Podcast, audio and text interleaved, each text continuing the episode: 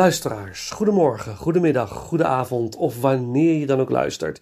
Welkom bij een nieuwe aflevering van Inglorious Rankers, de podcast waarin we films ranken, van filmjaar tot acteur, van franchise tot genre. Dit is aflevering 9.2 en daarmee het tweede deel van Ranking 80s Stallone. Ik neem jullie in dit deel mee in mijn persoonlijke ranking van de films die Sylvester Stallone maakte als acteur in de jaren 80, zijn gloriejaren. In de vorige aflevering heb ik al het een en ander over verteld over de man zelf en de nummers 12 tot en met 7 besproken. Deze ronde de nummers 6 tot en met nummer 1. Ook deze keer zal ik de ranking opfleuren met trailers, filmmuziek en filmfragmenten. Ik hoop dat jullie ervan gaan genieten. We begonnen met een fragment uit Rambo First Blood Part 2 en na de intro hoorden jullie het overbekende Rocky-thema Gonna Fly Now, deze keer van de soundtrack van de film Rocky 3. Voordat we verder gaan met de ranking wil ik even stilstaan bij een van de reacties op, de podcast van Stallone uh, van Kringloopklassiekers via Instagram. Hij heeft zijn Stallone uh, ranking doorgegeven. En in de vorige ronde gaf ik aan in deze aflevering bij zijn rijtje stil te staan. Is zien of onze rankings enigszins overeen gaan komen. Ik heb hier zijn lijstje voor me. Ik, hij heeft ook een uitgebreide, uh, uh, een uitgebreide mening opgeschreven per film. Dat is echt super tof. Maar voor uh, dat verwijs ik jullie door naar de Instagram pagina van Inglorious Rankers. En daar kunnen jullie de reactie, uh, de reactie van Kringloop Klassiekers uitgebreid uh, vinden. En het is natuurlijk onwijs leuk om daar weer op te reageren als lezer. Want wie weet ben je het wel of niet eens met zijn visie op de films. Zijn lijstje op nummer 10, Over the Top. Die stond bij mij al een stukje hoger. Op nummer 9, Escape to Victory. Dat mij ook ietsjes hoger. En nummer 8, Nighthawks. Uh, bij mij staat hij veel hoger, komen we straks op terug. Op nummer 7 Rambo. En dan vraag ik me af of hij 2 en 3 bedoelt, of alleen 2. Dan zou, dan zou ik 3 missen in het lijstje. Op nummer 6 uh, Lock Up. Straks ook veel meer over Lock Up. Op nummer 5 Tango and Cash. In de vorige aflevering uitgebreid aan bod gekomen. Voor mij staat hij dus iets lager in de lijst. Op nummer 4 Rocky 3. Op nummer 3 Rocky 4. Op nummer 2 Cobra. Staat heel hoog in zijn lijst. Mij een stukje lager. En op nummer 1 First Blood. Nou, ik ben heel benieuwd in hoeverre onze top 5 nog overeen gaat komen. Of mijn nummer 1 inderdaad ook First Blood zal zijn of niet. Daar komen we straks achter. Maar uh, Kringloopklassiekers, onwijs bedankt voor je mooie lijstje. Hij komt niet in zijn geheel overeen, maar dat is natuurlijk ook wel weer heel tof. Um, uh, als we het hebben over rankings. Iedere ranking kan verschillen, want iedere film betekent persoonlijk iets anders voor iemand. Uh, dus dat, altijd heel, dat vind ik altijd heel leuk. Um, aan het einde uh, van deze ronde laat ik jullie weten waar ik het de volgende keer over ga hebben. En ik kan nu alvast zeggen dat het twee leuke delen gaan worden, maar dat is voor later. Nu over naar de ranking. En let op, spoilers ahead. De nummer 6 tot en met de nummer 1. Op naar de nummer 6. He was six months away from a normal life. You plan on getting married when you get out of here? Oh yeah, that's the plan. Where are we going? Until a warden obsessed with revenge. Gateway, six months could be a lifetime.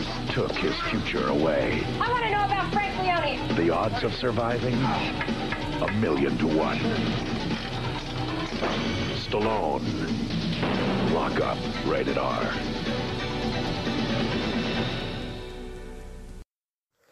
Lock Up uit 1989 is de nummer 6 van de lijst. Een prison movie. Stallone speelt Frank Leone, een automonteur en vrije tijd voetbalspeler. Hij is ook een gevangene, veroordeeld voor zware mishandeling nadat een vriend een en vaderfiguur werd lastiggevallen en hij het recht in eigen hand nam. In wezen geen zware crimineel dus. De film start tijdens zijn verlof waarin hij klust als automonteur en tijd besteedt met zijn vriendin Melissa. Beiden zijn erg gelukkig, want Frank hoeft nog maar een korte tijd te zitten en zal dan weer vrij zijn. De twee verheugen zich op een toekomst samen. En wanneer Frank terug is in de gevangenis om zijn laatste weken uit te zitten, wacht hem een zeer onaangename verrassing. Hij wordt uit zijn bed gelicht en verplaatst naar een andere gevangenis, een, een meer gevreesde, zwaar bewaakte gevangenis.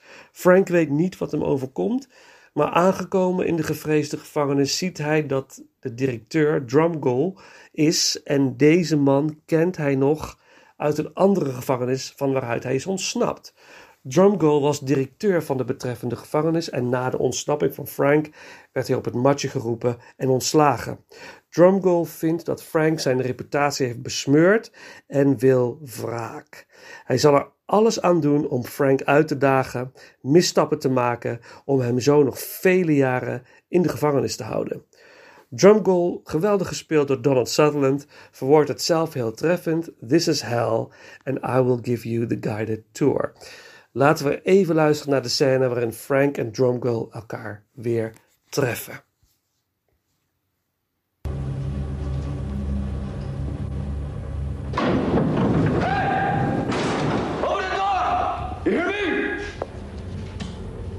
Hello, Frank. In the old days, the warden would have come down that private passageway from his office to this execution chamber to witness the putting to death of a criminal.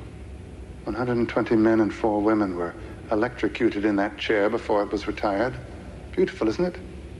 When I came to Gateway, it was falling apart, so I had it restored, put back into perfect working order to remind me of how things ought to be.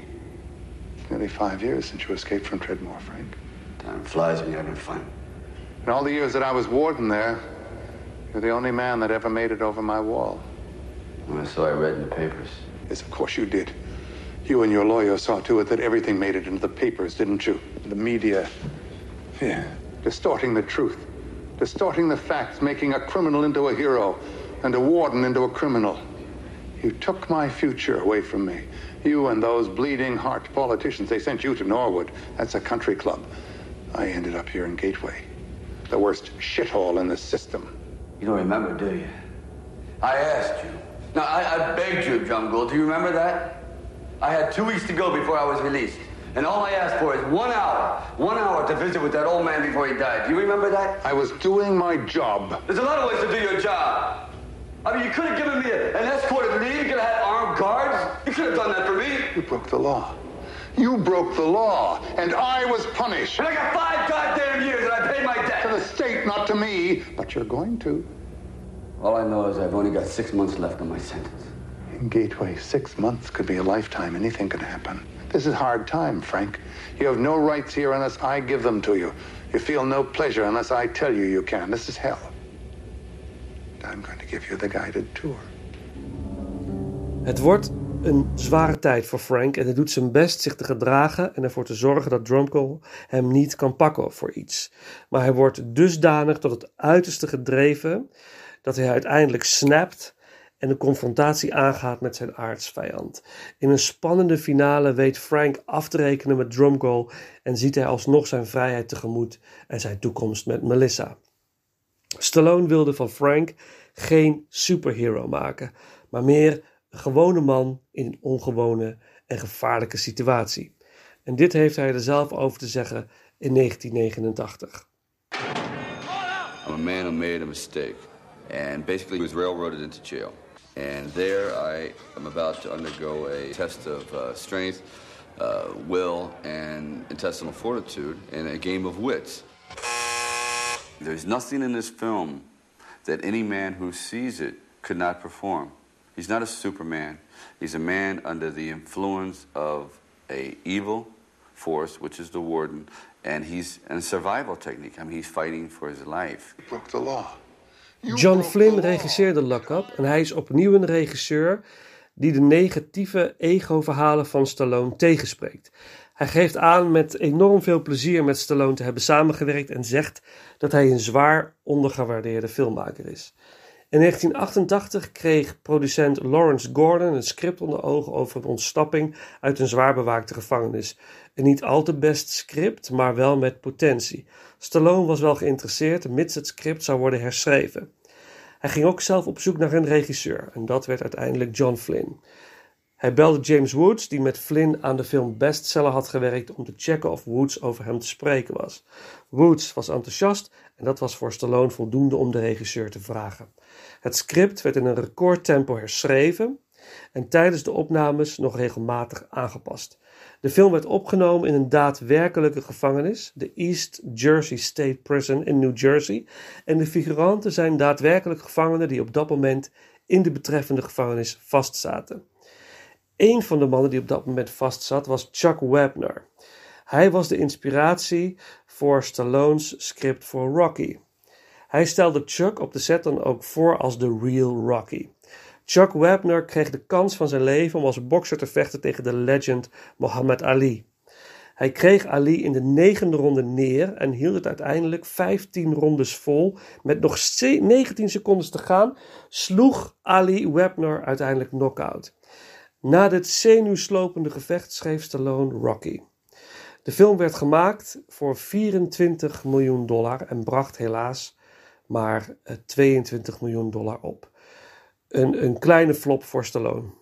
Persoonlijk eh, vind ik Lock Up een prima film. Spannend hier en daar, zeker boeiend en simpelweg uitstekend filmvermaak. Zeker niet mijn favoriet, maar wel een die boven de vorige vijf uitsteekt. De soundtrack eh, werd weer eens verzorgd door niemand minder dan Bill Conti. En laten we luisteren naar de track First Base uit de film Lock Up en daarna door naar nummer 5.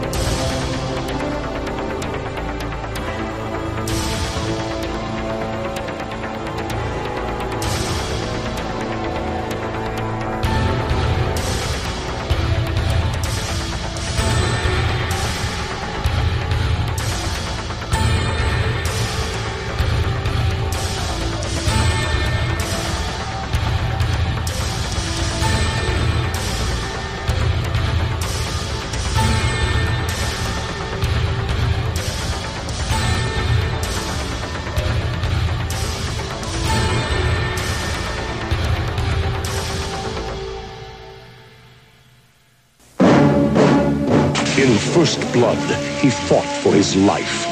This time, he's fighting for a lot more. If winning means he has to die, he'll die. What you choose to call hell, he calls home. Stallone is back as Rambo. I'm coming to get you. First Blood, Part 2, rated R. Starts Wednesday, May 22nd at a theater near you.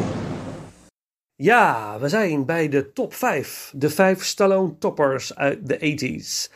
Naar mijn bescheiden mening, uiteraard.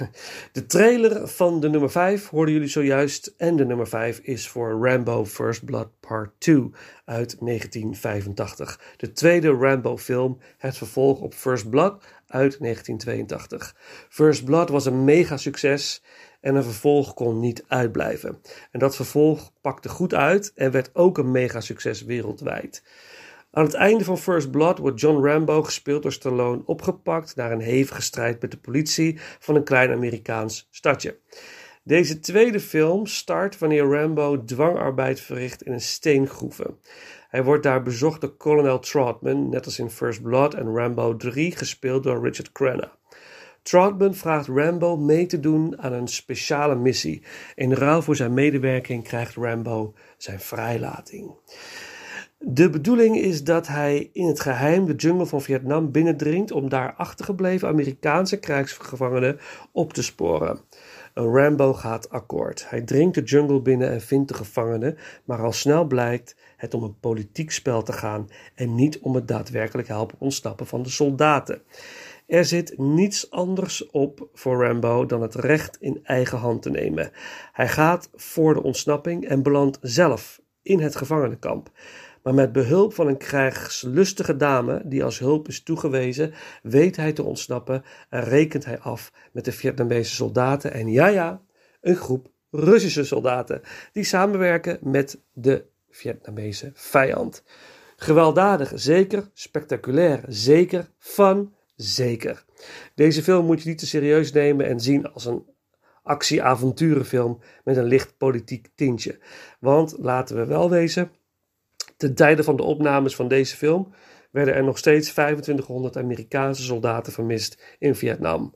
Stallone ziet er mega gespierd uit in deze film. Hij trainde voor deze rol acht maanden, uren per dag en volgde zelfs combat trainingen. Zoals vrijwel bij iedere film waarbij Stallone betrokken is, was hij ook voor deze film echt devoted. Ik was negen in 1985 toen deze film in de bios ging draaien en inmiddels al groot fan van Rocky. Ook deze film wilde ik dolgraag zien, maar gezien mijn leeftijd was dat er nog niet bij. Ik had wel een poster aan de muur en foto's en krantenknipsels in een plakboek en ik had de soundtrack. Straks meer daarover. Toen ik de film later op VHS zag, was ik er helemaal weg van.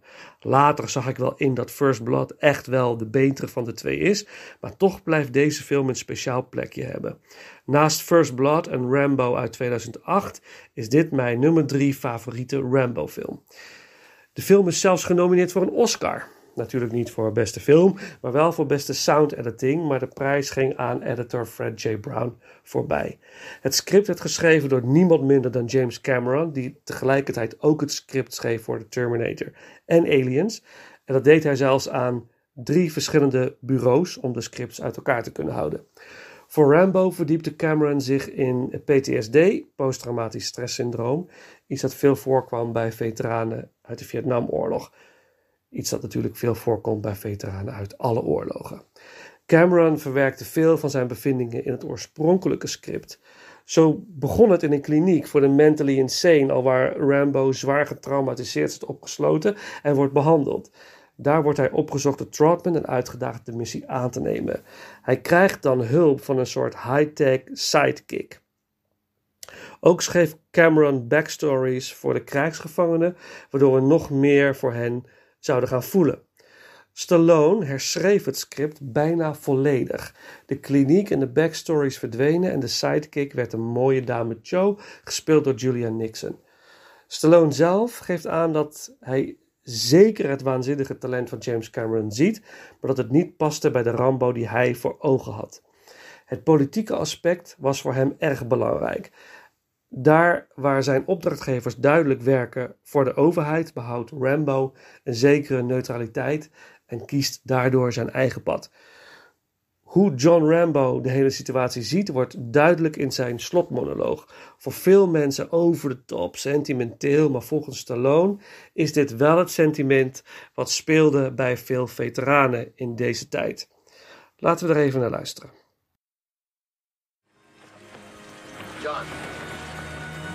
Going? I don't know. You got second medal of honor for this.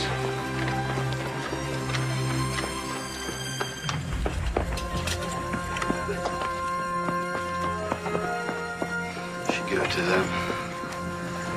They deserve it more. You can't keep running, John. You're free now. Come back with us. To what? My friends died here. Part of me died here. The war, everything that happened here may be wrong, but damn it, don't hate your country for it. Hey. I die for it. And what is it you want?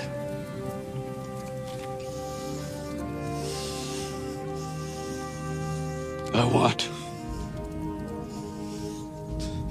what they want. And every other guy who came over here and spilt his guts and gave everything he had once for our country to love us as much as we love it.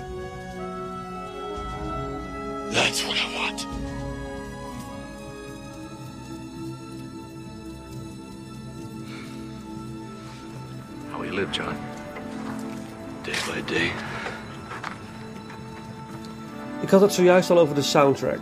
Ook deze had ik op LP en grijs gedraaid. Eén specifieke track vind ik echt uitspringen: het nummer Betrayed. Het moment waarop Rambo een van de gevangenen heeft bevrijd. Eigenlijk moet worden opgepikt door een helikopter, maar uiteindelijk wordt achtergelaten met alle gevolgen van dien. Naar die track gaan we even luisteren. De muziek is gecomponeerd door Jerry Goldsmith, fantastische componist, fantastische soundtrack. De track Betrayed uit de film Rambo First Blood Part 2 en dan door naar nummer 4.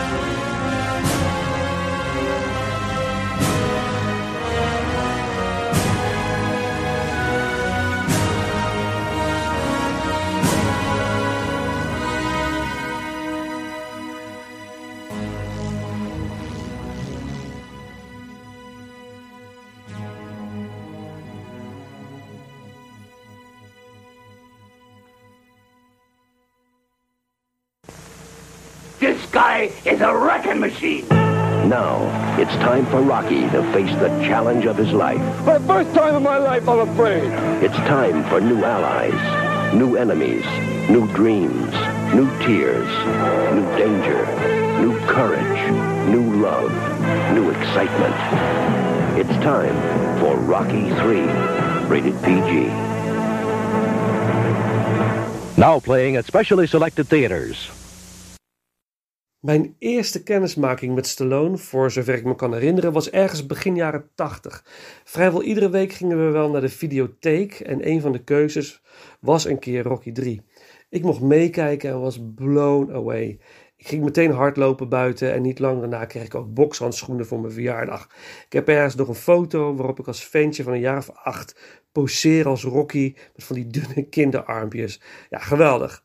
Rocky 3 neemt dus een bijzondere plek in binnen mijn leven. Hoge nostalgische waarde. Maar niet alleen daarom staat deze film op nummer 4. Het is ook nog een verdomd goede film. Ik heb de film al talloze malen gezien, maar de laatste keer voordat ik hem twee weken geleden weer eens zag, was zeker een jaar of tien geleden.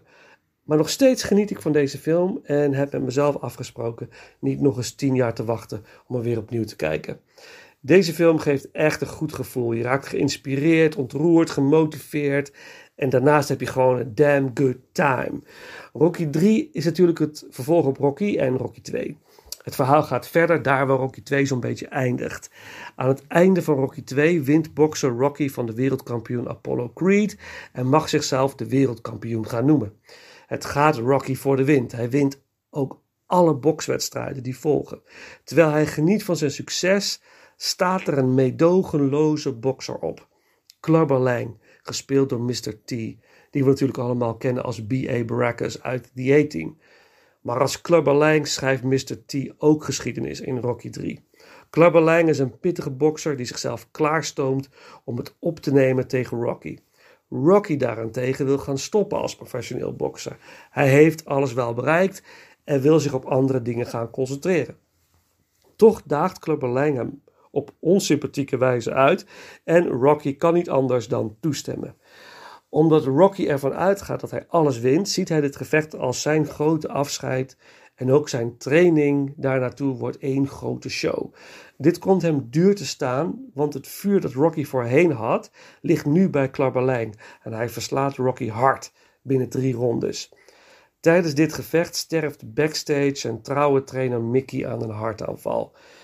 De misère is compleet, Rocky is verloren. En uit onverwachte hoek is daar Apollo Creed, de voormalige wereldkampioen, die verslagen is door Rocky, die aanbiedt Rocky opnieuw te trainen en klaar te stomen voor de rematch tegen Klabberlijn. Rocky gaat akkoord en moet weer terug naar de basis en opnieuw het vuur in zichzelf vinden. Het krijgen van the eye of the tiger. Dat valt niet mee, maar het lukt hem en de rematch tegen Clubber Lang is een spetterende finale waarin Rocky zijn titel als wereldkampioen weet terug te winnen. Het kost Rocky veel moeite het vuur te herwinnen en op het moment dat alles verloren lijkt is daar zijn vrouw Adrian, zijn rots in de branding, die hem doet inzien dat hij het in zich heeft en niet bang hoeft te zijn voor de onzekerheid en de angst. Het is een prachtige scène en hoogtepunt uit de film. Laten we daar even naar luisteren. You something important, and I want you to tell me the truth. What? Why'd you come here?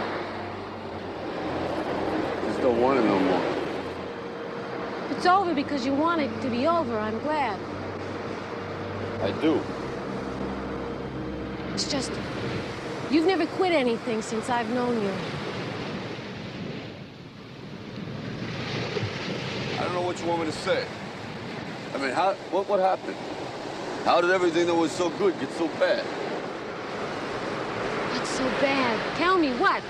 I wrecked everything by not thinking for myself.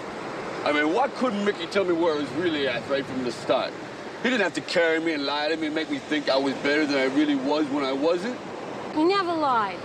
Those fights weren't right. They weren't, Adrian. I never fought anybody who was all in their prime. I was always some angle to hold on to the title longer than I should have had it. I mean, do you understand what I'm saying here? I understand, but you've got to understand that he loved you and that was his job, protecting you. Look, that protecting don't help nothing. It only makes things worse. You, you wake up after a few years thinking you're a winner, but you're not. You're really a loser. And so we wouldn't have had the title as long. So what? At least it would have been real, Adrian. It was real. Nothing is real if you don't believe in who you are. I don't believe in myself no more. Don't you understand? When a fighter don't believe, that's it. He's finished. It's over. That's it. That's not it! That is it! Why don't you tell me the truth? What are you putting me through, Adrian? You want to know the truth? The truth is I don't want to lose what I got. In the beginning, I didn't care about what happened to me. I go in the ring, I get busted up. I didn't care. But now there's you, there's the kid. I don't want to lose what I got. What do we have that can't be replaced? What? A house. We got cars. We got money. We got everything but the truth. What's the truth, damn it? I'm afraid, all right? You want to hear me say it? You want to break me down? All right, I'm afraid. For the first time in my life, I'm afraid. I'm afraid too. There's nothing wrong with being afraid. There is. For me, there is. Why, you're human, aren't you? Look, I don't know what I am. All I know is I'm a liar. And because of that, Mickey ain't here no more. You didn't push him into anything. He was a grown man and he did what he had to do. And you have no right to feel guilty for what happened. You don't. You were a champion and you did what you were expected to do. And you did what I and everybody else thought you should do. And you want to tell me that those fights weren't real? That you were carried? Well, I don't believe it. It doesn't matter what I believe because you're the one that's got to carry that fear around inside you. Afraid that everybody's going to take things away. Afraid you're going to be remembered as a coward. That you're not a man anymore. Well, none of it's true. But it doesn't matter if I tell you. It doesn't matter because you're the one that's got to settle it. Get rid of it. Because when all the smoke is cleared and everyone's through chanting your name, it's just going to be us. And you can't live like this. We can't live like this. Because it's going to bother you for the rest of your life. Look what it's doing to you now.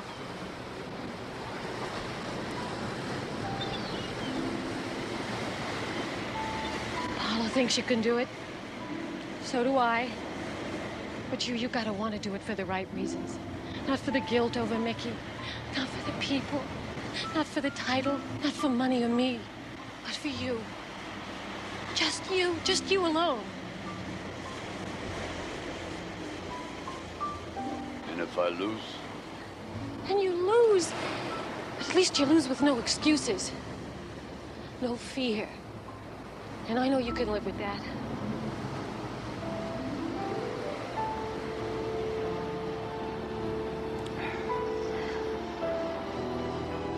So tough? I, I live with a fighter.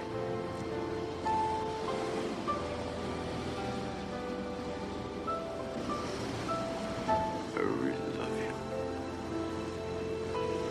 De filmmuziek is wederom gecomponeerd door Bill Conti. En aan het begin van de uitzending hoorde je natuurlijk ook al Gonna Fly Now van Bill Conti van de soundtrack van Rocky 3. En in deze film maakte inmiddels classic song Eye of the Tiger van Survivor zijn debuut. Eerst was het de bedoeling dat het nummer You're the Best van Joe Esposito werd gebruikt, maar Stallone's voorkeur ging uit naar het nummer van Survivor nadat hij Another One Bites the Dust van Queen niet mocht gebruiken. You're the Best van Joe Esposito werd vervolgens gebruikt in The Karate Kid en Survivor was ook op deze soundtrack weer van de partij met het nummer The Moment of Truth. Ehm, de regisseur van de film is Stallone zelf en hij laat zien dat hij het regisseursvak wel heel degelijk beheerst. En hij zal dat nog vele malen gaan herhalen. Ook voor enkele Rocky vervolgfilms. Eigenlijk zou Rocky 3 de laatste Rocky film zijn, maar het mega succes van de film zorgde ervoor dat Stallone er toch anders over ging denken. Rocky 3 is een van mijn favoriete Rocky films, mijn nummer 4. En nu naar de top 3. One man can bring the world to its knees. And only one man can stop him.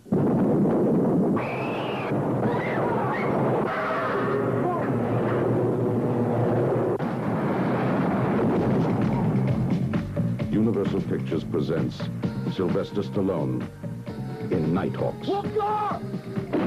Nighthawks, rated R. Now playing at a theater near you. Ik hou van de gritty city films uit de jaren 70, 80. Films als The Bronx Warriors, Death Wish, The French Connection, The New York Ripper, Basket Case. En zo is er nog een hele lijst. Uh, ik weet niet precies waar die fascinatie vandaan komt, maar ik vind die sfeer echt, ik weet niet, het doet iets met me. Ik vind dat echt heel gaaf om, uh, om naar te kijken en, en, te voelen. In die lijst hoort ook zeker de nummer 3 thuis. Dat is Nighthawks uit 1981. Met naast Stallone niemand minder dan Nederlands trots Rutger Hauer. In onze podcast over Rutger Hauer komt deze film ook aan bod, want het is ook een van mijn favoriete films van Hauer. Hauer speelt de Duitse terrorist Wolfgar, die verantwoordelijk is voor een aantal aanslagen in Europa. Wolfgar is gebaseerd op een daadwerkelijke terrorist, namelijk Carlos de Jackal uit Venezuela, die op dit moment zijn derde levenslang termijn uitzit. Hij wil meer faam, onze Wolfgar, en hij wijkt uit naar Amerika, New York. En daar beraamt hij een aantal aanslagen. Street Cop da Silva, gespeeld door Stallone, wordt samen met zijn partner, gespeeld door Billy D. Williams, die we natuurlijk allemaal kennen als Lando Calrissian uit Star Wars, op de zaak gezet. Zij moeten Wolfgar opsporen en uitschakelen. Da Silva ziet het eerst helemaal niet zitten. Er is namelijk genoeg te doen op straat. New York was nou niet bepaald de meest veilige stad, begin jaren 80. Maar nadat Wolfgar zijn eerste aanslag pleegt, slaat hij om en zet Da Silva de jacht in. Dit resulteert in een spannend kat-en-muisspel met ook een verrassende en spannende finale. Nighthawks is absoluut een van mijn favoriete Stallone-films. Ik hou van de sfeer, de opbouw, de spanning en het verhaal, hoe simpel ook is spannend en goed uitgewerkt. Tussen Stallone en Hauer boterde het niet zo op de set. Tijdens de opnames is het een aantal keren tot een confrontatie gekomen, omdat ook Howard niet op zijn mondje was gevallen en niet aarzelde om Stallone de waarheid te vertellen. Stallone met zijn enorme ego was ook de daadwerkelijke regisseur van de film en niet Bruce Malmuth, zoals op de credits omdat zijn vorige twee films waren geflopt, had Stallone hard een hit nodig en wilde kosten wat kost controle houden. En tijdens de opnames van de finale, waarin Stallone Wolfgang neerschiet, uh, zit Rutger Hauer eigenlijk vast aan een soort installatie die hem hard naar achteren trekt. Om de illusie te creëren dat de kogel van Stallone hem zo hard raakt dat hij naar achteren vliegt. Ze hadden het uitvoerig gerepeteerd, zodat Hauer wist wat hem te wachten stond. Tijdens de opname zelf bleek de installatie anders te zijn ingesteld en werd Howard bruter naar achteren geslingerd dan gerepeteerd, tot zijn grote schrik. Boos is hij naar de crew gelopen en eiste uitleg en die wees naar Stallone. Stallone vond het wel een goed idee omdat het voor meer spektakel zorgde. Howard op zijn beurt liep naar Stallone en heeft iets gezegd in de trant van if you do that sort of thing again, I'm gonna kick your ass of I'm gonna kill you of iets in die trant. En vanaf dat moment was de toon gezet. De twee hebben na deze film ook nooit meer samengewerkt. Nighthawk zorgde wel voor meer werk in Amerika voor Rutger Hauer. Een ander gênant moment voor Stallone tijdens de opnames vond plaats tijdens de achtervolgingsscène in de metro. Er was aan Hauer verteld dat Stallone um, mega hard trainde om dagelijks in vorm te blijven en enorm hard kon lopen. Dus hij moest alles geven, anders had Stallone hem zo te pakken.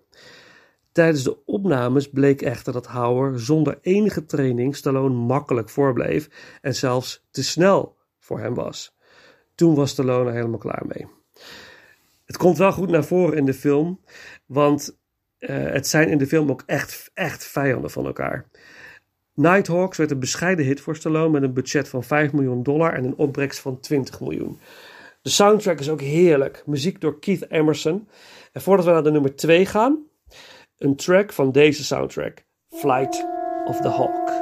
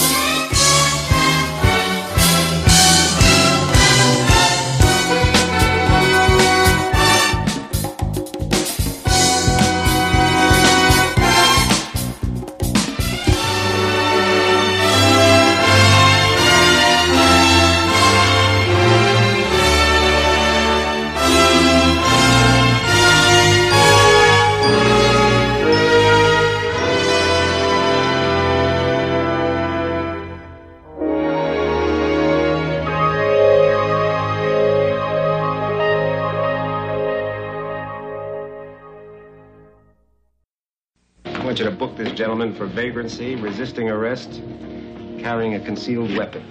They knew he was innocent, and they didn't give a damn. That's okay, Warren. Don't worry about the soap. He's tough. Just shave him. Dry. John Rambo, one man who's been pushed too far. Right on top of him. There's no way out of here except through us. He was hunted, trapped, There he is! On the cliff!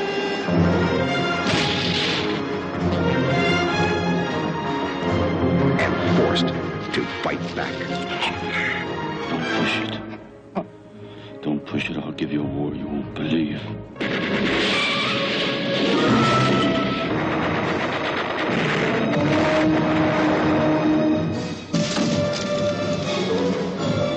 Sylvester Stallone. This time, he's fighting for his life. First Blood. De nummer 1 en nummer 2 gaan nek aan nek. Maar toch, de nummer 2 is voor First Blood uit 1982. De eerste John Rambo film.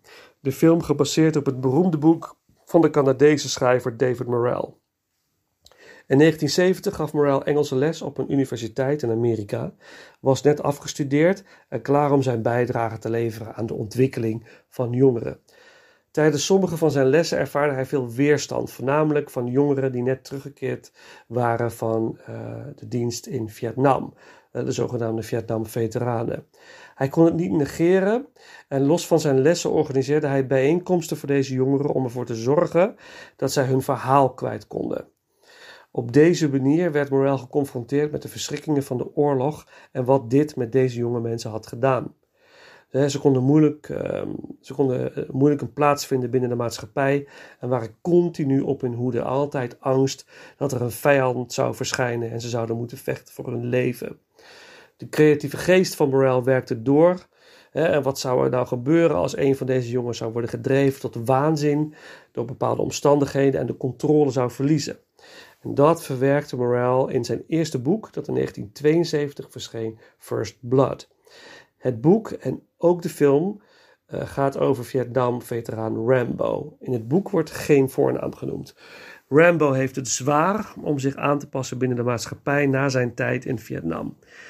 Hij is een man die diverse onderscheidingen heeft ontvangen, maar binnen het normale leven niet gezien of erkend wordt.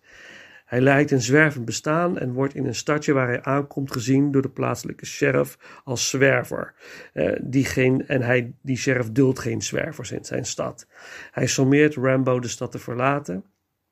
Is in het begin nog vriendelijk, maar als Rambo weigert te vertrekken, ziet de sheriff zich genoodzaakt hem te arresteren. Op het politiebureau wordt hij rot behandeld en deze behandeling brengt herinneringen aan zijn gevangenschap in een kamp in Vietnam naar boven. Rambo snapt, doodt een aantal agenten op brute wijze, althans in het boek. In de film verwondt hij ze slechts, en vlucht. En na een wilde achtervolging verstopt Rambo zich in de bossen. En de sheriff wil kosten wat kost de veteraan inrekenen en zet op, opnieuw met zijn troepen de achtervolging in. Maar ze hebben geen rekening gehouden met de skills van Rambo en zijn onverschrokkenheid. Om hem te overtuigen zich over te geven, halen ze zijn oude kolonel erbij, kolonel Trotman. Maar ook hij dringt niet echt tot Rambo door. Wanneer Rambo besluit um, het hele stadje te vernietigen, weet Trotman toch in te grijpen en na een confrontatie uh, doodt hij Rambo, of althans, Rambo doodt zichzelf met het pistool van Trotman. In het, in het, nou, in het boek doodt Trotman Rambo. Er bestaat een alternate ending van de film, waarin Rambo ook wordt neergeschoten. In de uiteindelijke film wordt hij alleen opgepakt en neergeschoten, maar er bestaat een scène waarin Rambo wordt neergeschoten, maar dat doet hij eigenlijk zelf. Hij schiet zichzelf neer met het geweer van, of het pistool van Trotman. Laten we even luisteren naar, die, uh, naar dat uh, alternatieve einde van First Blood. Going crazy. Then it goes away, that hot feeling. It's not going away anymore, and I can't control it, Colonel. And I can't spend the rest of my life in a cell either. If I gotta die, I want you to do it. Don't let them do it. You trained me. You made me. You kill me. You owe me that.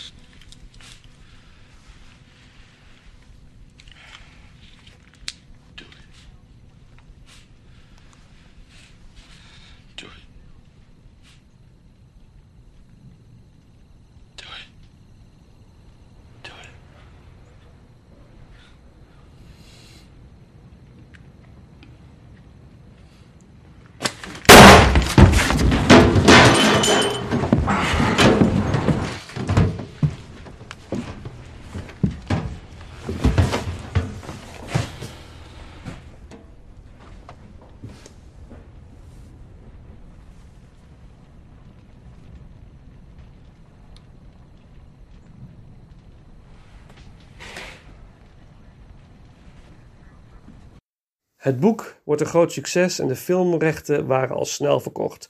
Regisseur Ted Kotcheff werd ingehuurd om een script te ontwikkelen. Maar het werd toch on hold gezet. In 1973 woedde de Vietnamoorlog nog en waren protesten nog aan de orde van de dag. De filmstudio, in dit geval Warner, wilde geen risico nemen en, de First, en First Blood werd gezien. Uh, en het onderwerp werd gezien als een risico. En het duurde acht jaar tot twee producenten, Mario Casar en Andrew Vaina, oog kregen voor het script. Op dat moment nog twee onbekenden binnen de filmwereld. Op dat moment in de geschiedenis waren er al films uitgebracht over veteranen. Denk hierbij aan The Deer Hunter en Coming Home.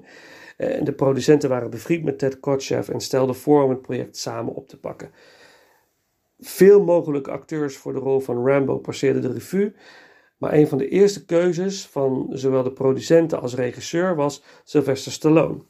Stallone was direct geïnteresseerd, maar het duurde lang voordat het project echt van de grond kwam en dat bracht Stallone aan het twijfelen. En hij trok zich terug. Andere opties als John Travolta en Clint Eastwood stonden op het lijstje, maar niemand paste volgens het trio beter dan Stallone. Om hem toch binnenboord te houden, vroegen ze hem, heel slim, om het script kritisch onder de loep te nemen en eventueel her en daar te herschrijven. Die kans pakte Stallone aan en dat zorgde ervoor dat hij werd gegrepen door het karakter en het verhaal. Hij zag zichzelf als John Rambo en stemde opnieuw in de rol voor zijn rekening te nemen. En nadat de financiering rond was, probeerden ze nog een grote naam binnen te halen voor de rol van Trotman. En dat was niemand minder dan Kirk Douglas. En deze wilde echter een grote verandering aanbrengen binnen het script. Um, en zich meer aansluiten bij het boek.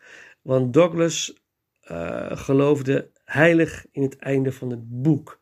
Hè, uh, dat Rambo zou sterven. En ondanks zijn verzoek werd het einde niet aangepast.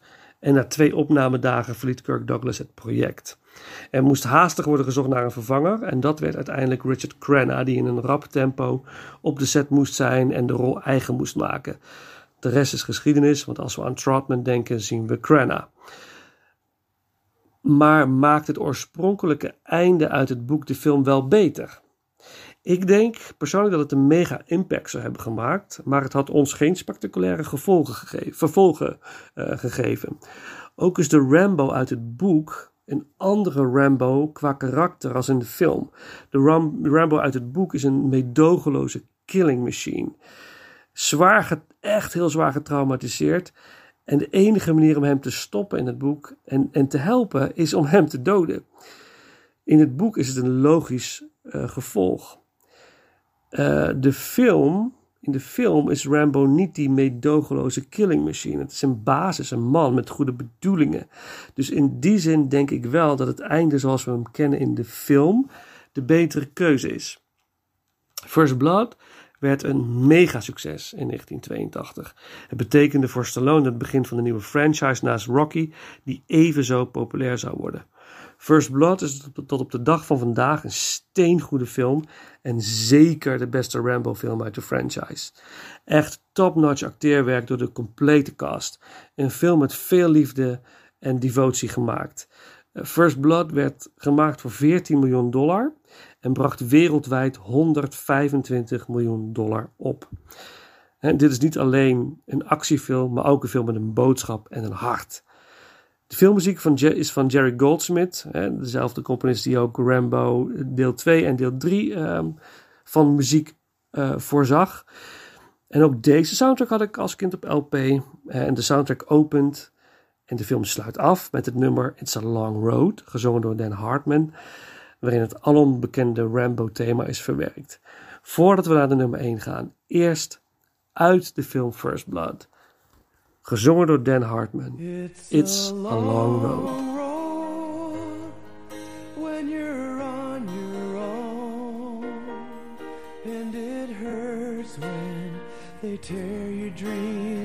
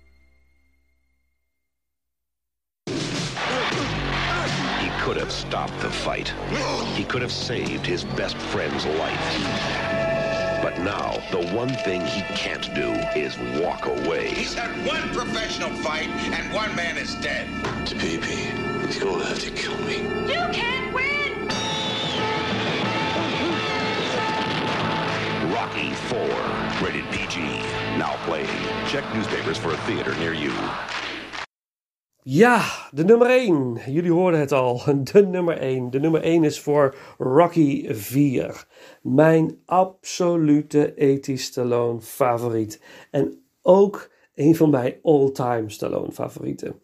Ik kan deze film keer op keer bekijken. Als kind en Rocky-fan van 9 jaar zag ik deze film in de bios. Er lag sneeuw in Nijmegen en dat ik zeker van een kaartje wilde zijn, stond ik al vroeg voor de bioscoop. Want er was nog geen online iets waarop je kaarten kon bestellen. Je moest gewoon op tijd bij die bioscoop zijn. Daar stond ik samen met mijn moeder in de kou. Ijskoud was het. Vast net zo koud als Rocky het had tijdens het trainen in Rusland. Eh, en natuurlijk was ik blown away ehm, eh, door de film. En tot, tot op de dag van vandaag blijft Rocky 4 favoriet. Hoog tempo, coole soundtrack en highly entertaining. Natuurlijk is Rocky 4 een direct vervolg op Rocky 3. We zitten in 1985, dus het hoogtepunt van de Koude Oorlog. En in Rocky 4 neemt Rocky dan ook op tegen een Rus. Rusland brengt haar favoriete bokser naar Amerika in de vorm van de blonde reus Ivan Drago. Apollo Creed ziet hierin de kans om te laten zien dat hij als bokser nog wat waard is. En tegen de zin in van Rocky daagt hij Drago uit tot een gevecht. Rocky stemt in om Creed te trainen, maar het uiteindelijk gevecht gaat gruwelijk mis. Ivan Drago heeft een dermate heftige stootkracht dat Apollo Creed sterft in de ring. Rocky ziet zichzelf genoodzaakt zijn vriend te wreken en daagt de Rus uit voor een gevecht, maar deze keer in Rusland. Hij wil hem verslaan op zijn eigen grond. Adrian, die altijd, zijn vrouw die altijd achter Rocky staat, vreest voor het leven van haar man en ziet niet in hoe hij kan winnen. En dat uit ze in deze iconische scène.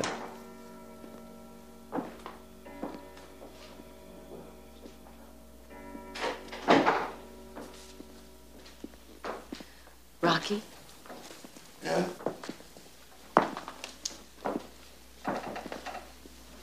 You all right? Yeah. All right. Why'd you do it? I just gotta do what I gotta do. You don't have to do anything. No, you're not doing. I gotta leave this place too. So where are you going? They said they're gonna let me train in Russia. And I just wanna go someplace where I ain't gonna think about nothing except him. Rocky, give it some time. Don't do this. A lot of people live with hurt. Agent, a lot of people don't have a choice. I do. And for that, you're willing to lose everything? Agent, this ain't everything. This house and the cars and all the stuff we got, that ain't everything.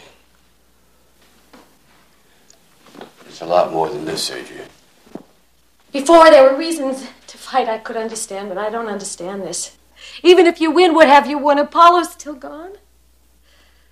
Why can't you change your thinking? Everybody else does. Because I'm a fighter.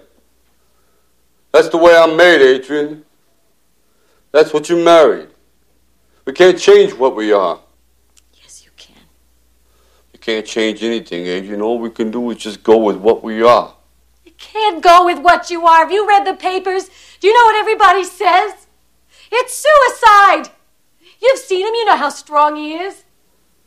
You can't win.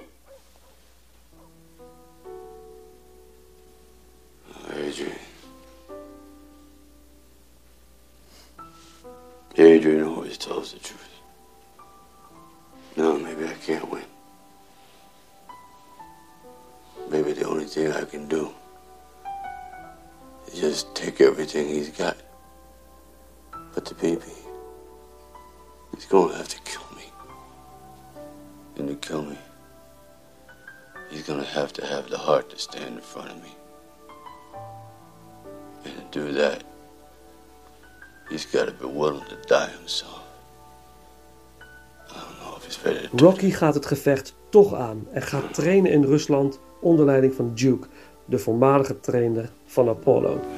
Omdat Adrian haar man toch wil bijstaan, reist ze af naar Rusland en woont het laatste gedeelte van de training van haar man bij. Er volgt een onvergetelijke uplifting trainingmontage onder begeleiding van het nummer Hearts on Fire, waar we de podcast ook mee zullen afsluiten. Het wordt een heftig gevecht, hard tegen hard. Voor ze beginnen en de instructies van de scheidsrechter krijgen, spreekt Drago de historische woorden: I must break you. Maar Rocky wint het gevecht en brengt daarmee voor even in de arena Rusland en Amerika bij elkaar. En I heeft came er here ook tonight. een mooie monoloog I bij. didn't know what to expect. Когда я вышел этим вечером на этот ринг, I seen a lot of people hating me, and I didn't know what to feel about that, so I guess I didn't like you much none either. я думаю, что я не любил их тоже. During this fight, I seen a lot of changing. В течение всего этого боя я понял, что многое изменилось. The way you felt about me, and the way I felt about you. И я почувствовал, что вы тоже изменились. In here, there were two guys killing each other. But I guess that's better than 20 million. То я думаю, что это лучше, чем даже 20 миллионов долларов. So what I was trying to say is that if I can change, Я думаю, что каждый тоже изменился and сегодня. you can change, Вы можете измениться. everybody can change. Каждый может измениться. Ja, Het is allemaal cheesy en simpel. Maar hey, what's wrong with that? Rocky 4 is simpel, maar topvermaak. Ongeveer een derde van de film bestaat uit montages en dat geeft de film dat razende tempo. Stallone gaf ook weer alles voor deze rol. Hij wilde zelfs dat enkele klappen in de ring echt raak zouden zijn. Een van de klappen van Drago tegen zijn borst was dermate hard dat Stallone naar het ziekenhuis moest worden gebracht en vier dagen op de intensive care heeft gelegen. Door de klap was zijn hart opgezwollen en drukte tegen zijn borstkas, wat de bloedsomloop belemmerde. Drago wordt gespeeld door de destijds nog onbekende Dolph Lundgren, die door deze film ook een mega-carrière kon starten. Ironisch is dat Lundgren en Carl Weathers, die Apollo Creed speelt, absoluut niet met elkaar overweg konden. Tijdens de opnames van het gevecht tussen die twee duwde Lundgren Weathers dusdanig hard in de touwen dat Weathers boos de set verliet en dreigde de rol op te geven. Onder druk van Stallone hebben de twee het uitgesproken en de opnames konden toch worden afgerond. Lundgren werd voor deze film getraind door niemand minder dan Arnold Schwarzenegger. En hij sprak ook de eerste teaser trailer in voor de film. Laten we daar eens naar gaan luisteren.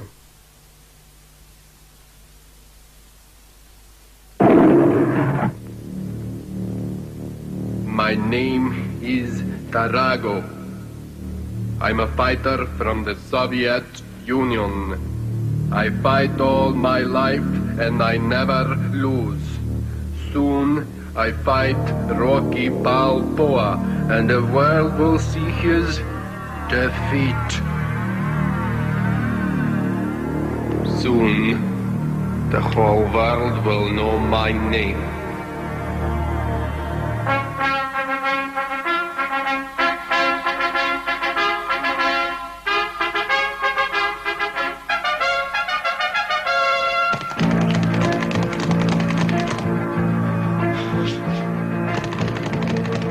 Volgens mij spreekt Drago in deze teaser trailer meer dan in de hele Rocky film.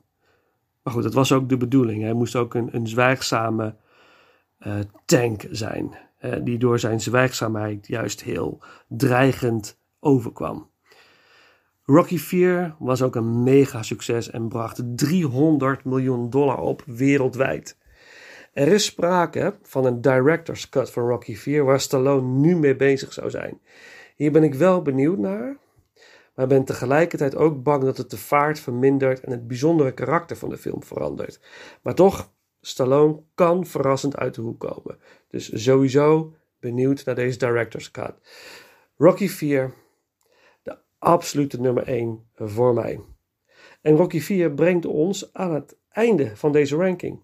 Ik vond het weer een feestje en ik hoop dat jullie er ook van genoten hebben. Deel met mij jullie 80 Stallone ranking of jouw 80 Stallone favoriet en vooral ook waarom. Ik ben heel benieuwd. En jullie reacties deel ik in de volgende aflevering. Ja, de volgende aflevering. Deze zal ook weer bestaan uit twee delen en zullen verschijnen in december. En wat leuk is, ik ga deze eh, aflevering opnemen weer eens samen met Paul. Superleuk.